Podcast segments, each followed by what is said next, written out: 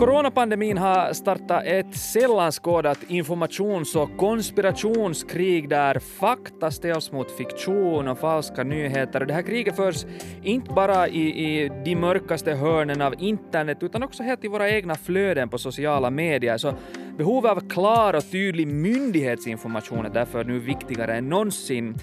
Så hur lyckades pandemin sätta igång det här och finns det någon väg tillbaka och hur förs det här informationskriget? Det ska vi diskutera här i nyhetspodden från Svenska Yle. Jag heter Johannes Taberman och med mig har jag statsvetare Emma Riknell. Välkommen hit. Tack så mycket. Eh, du forskar i de här frågorna vid Linnéuniversitetet i Sverige.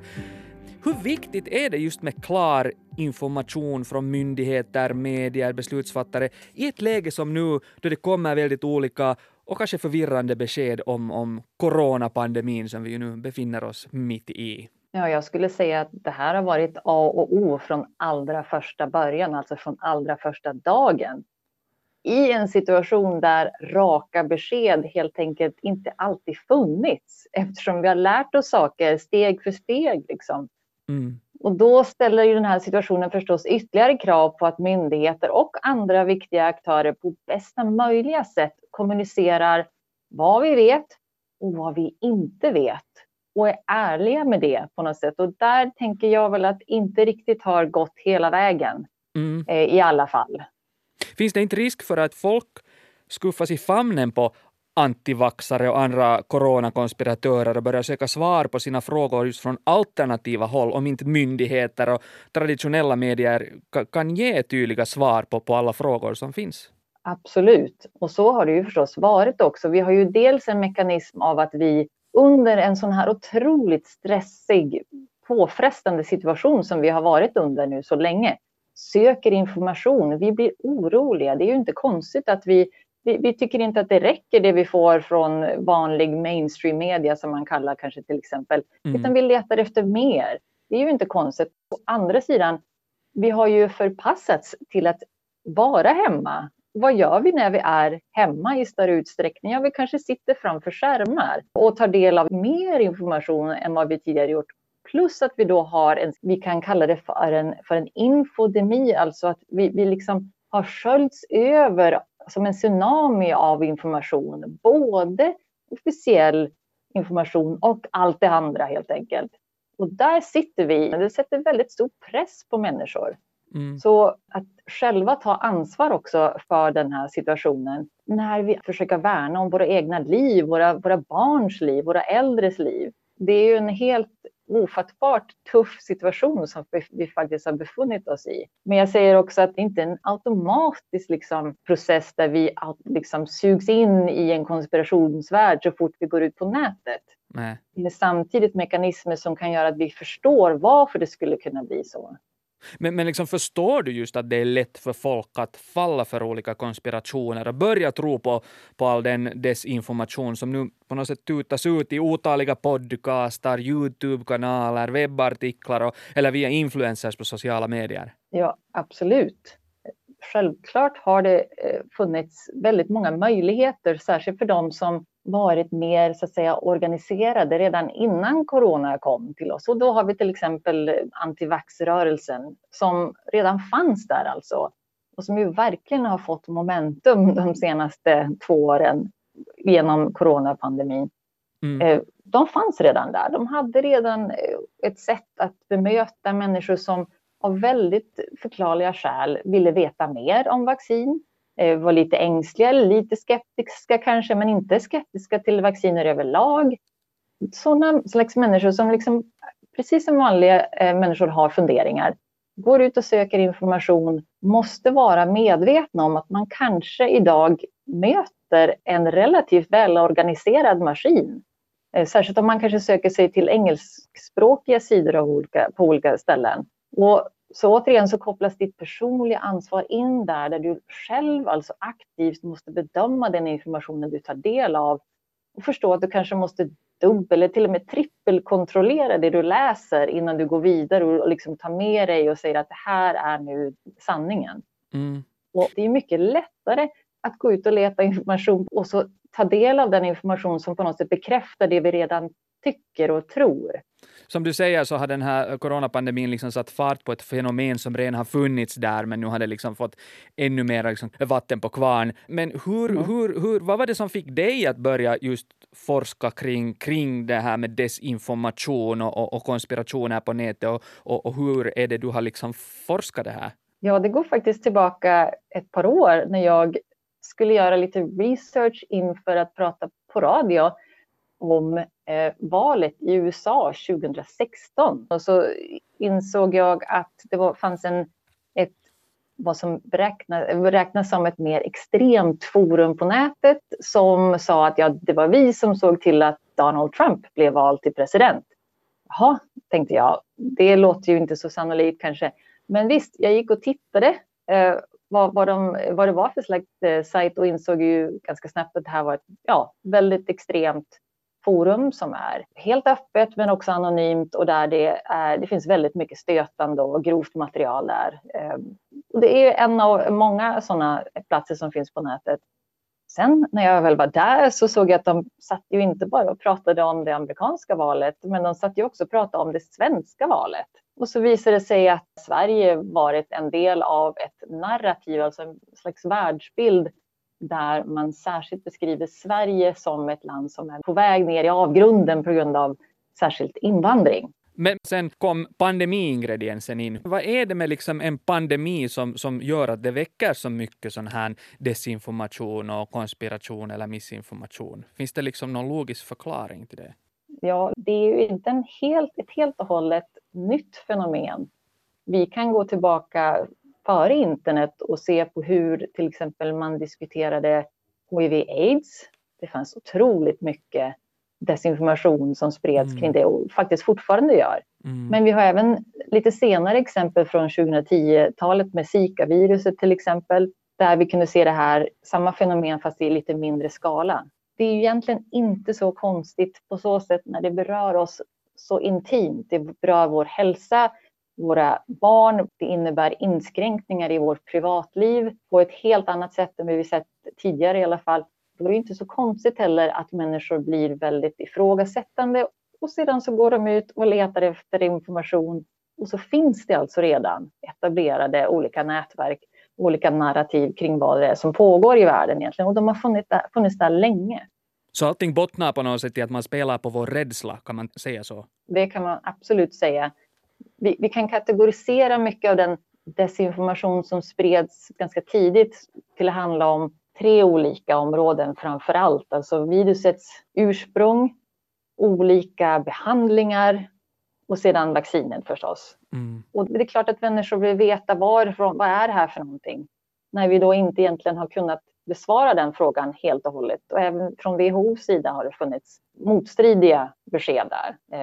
Och sen så har vi olika behandlingar och där har det redan funnits en etablerad eh, rörelse som faktiskt försöker tjäna pengar, säljer produkter för det, både det ena och det andra innan corona kom. Och självklart har man nu tagit fasta vid det här och försöker sälja olika produkter, olika behandlingar till exempel som ska se till att vi inte blir sjuka men som verkligen inte har någon medicinsk eh, bakgrund överhuvudtaget. Och sen så vacciner, inte konstigt, ändå att människor har känt sig lite tveksamma när det har gått väldigt snabbt och så vidare. Mm. Eh, alla de här tre har ju en, en logisk grund, men det har ju mycket att göra med vår egen förstås rädsla för vårt eget liv under en sån här hotfull situation. Mm. Hur skiljer sig diskussionen som förs på sån här 4chan äh, nätforum från det som vi idag ser fast i, i våra Facebookflöden? Ja, det, är svårt att, beskriva utan egentligen att ha sett det själv. Eh, det är ofta fullt med memes som är väldigt grova. Det handlar om eh, väldigt grovt språk när det gäller invandrare ofta. Det gäller väldigt grovt språk när det gäller kvinnor. Det är en helt annan kontext än det man oftast ser i alla fall i ens vanliga liksom, Facebookflöde. Insprängt finns det också en del så att säga vanligare diskussioner som man kan se. Men ofta så slutar längre diskussioner med någon slags referens till högernationalism eller fascism eller vad det nu kan vara. Det, det, finns ofta med någon slags väldigt upprörande bild och mekanismen här är ju sån, det gäller ju på alla sociala medier, att ju mer upprörande, ju mer uppseendeväckande material du kan publicera, desto mer uppmärksamhet får du ju. Uppmärksamhet är ju det vi vill ha på nätet. Så tyvärr så finns det ju en sån inbyggd mekanism i hur vi agerar på nätet, vilket har lett till att ja, eh, vi får viral spridning så att säga av material som verkligen inte borde spridas alls. Ja. Nu pratar vi om lite mer extrema forum, man tänker det här ligger i internets ytterkanter och vad har det med, med resten att göra? Men saken är den att Forskning har ju kunnat visa att saker som genereras i de här mer extrema hörnen, det har en tendens att ta sig in i så att säga vanliga forum och sociala plattformar också. Tycker du att man märker det liksom på Facebook att, att i och med det här så ändrar också eh, på något sätt diskussionsklimatet på Facebook? För jag tycker ju nog under coronan nu att med sån här alla de här konspirationerna och, och hårda debatterna om vacciner, att, att, att det har ju nog synats väldigt tydligt till exempel på Facebook. Precis, och det gjorde några forskare en studie på redan under 2020 där de kunde konstatera att det här grövre språket och väldigt hotfulla stämningen när det gällde just corona, det kunde man spåra tillbaka till lite mer extrema forum, men det gick väldigt mycket snabbare att komma fram till det mer vanliga mainstream sociala medier. Alltså den processen gick snabbare under pandemin.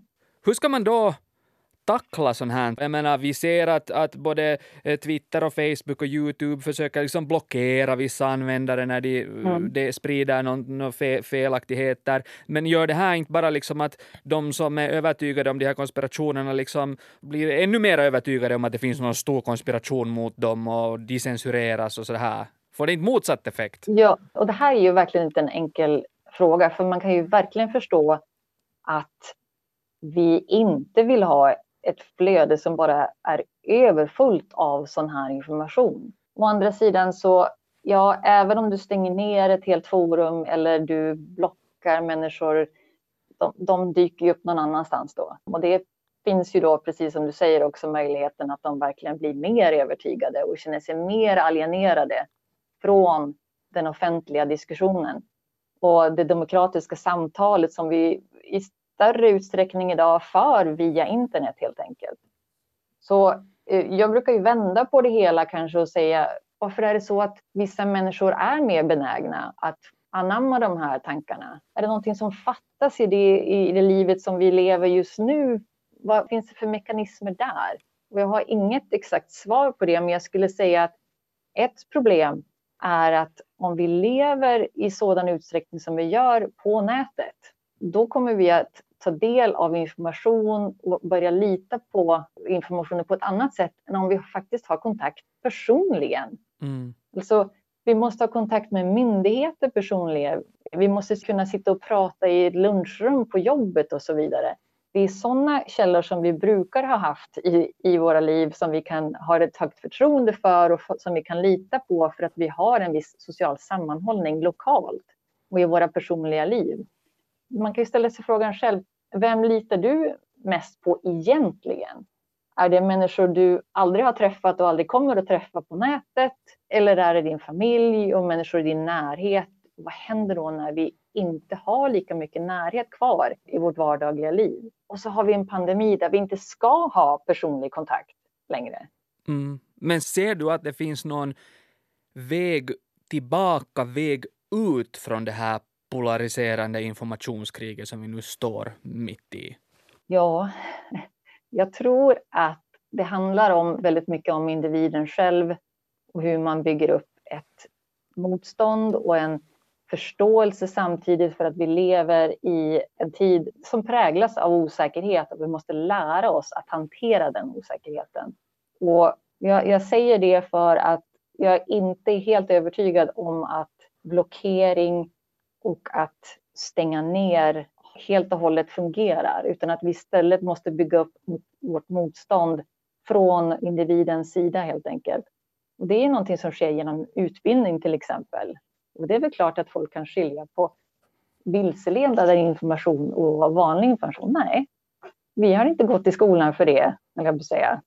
I alla fall inte om du är lite äldre. Så det finns ju mycket saker att göra, men det är ju ett preventivt arbete som återigen borde ha startats långt innan pandemin. Mm.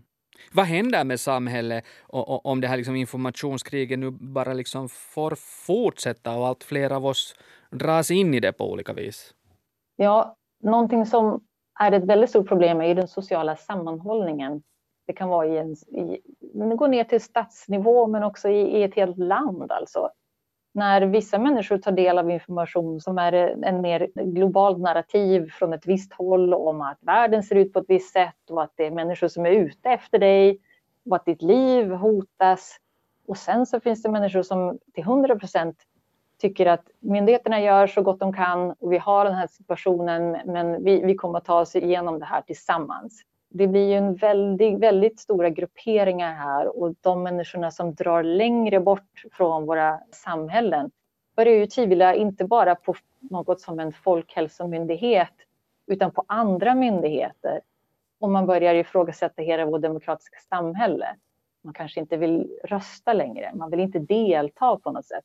Det är där det blir väldigt problematiskt över sikt och jag vill inte måla upp en alldeles för svart bild för det, det, är inte som att det, det, är automatiskt och att det sitter i sten det här, men det finns ju uppenbarligen problem med vissa grupperingar som bor fortfarande mitt ibland oss och är som precis vanliga människor, men de existerar på något sätt i en annan världsbild där man konstant känner liksom att någon annan är ute efter en, myndigheterna är ute efter en, medierna sitter bara och försöker förmedla falskheter, då tappar man ju förtroende för det, demokratiska samhället och det är en väldigt negativ utveckling uppenbarligen. Emma Rignell, tack för att du kom hit till Nyhetspodden och öppnade upp för, för det här enorma problemet som vi får tampas med här dagligen. Tack så mycket. Jag heter Johannes Taberman, producent var Ami Lassila. Fortsätt lyssna på oss.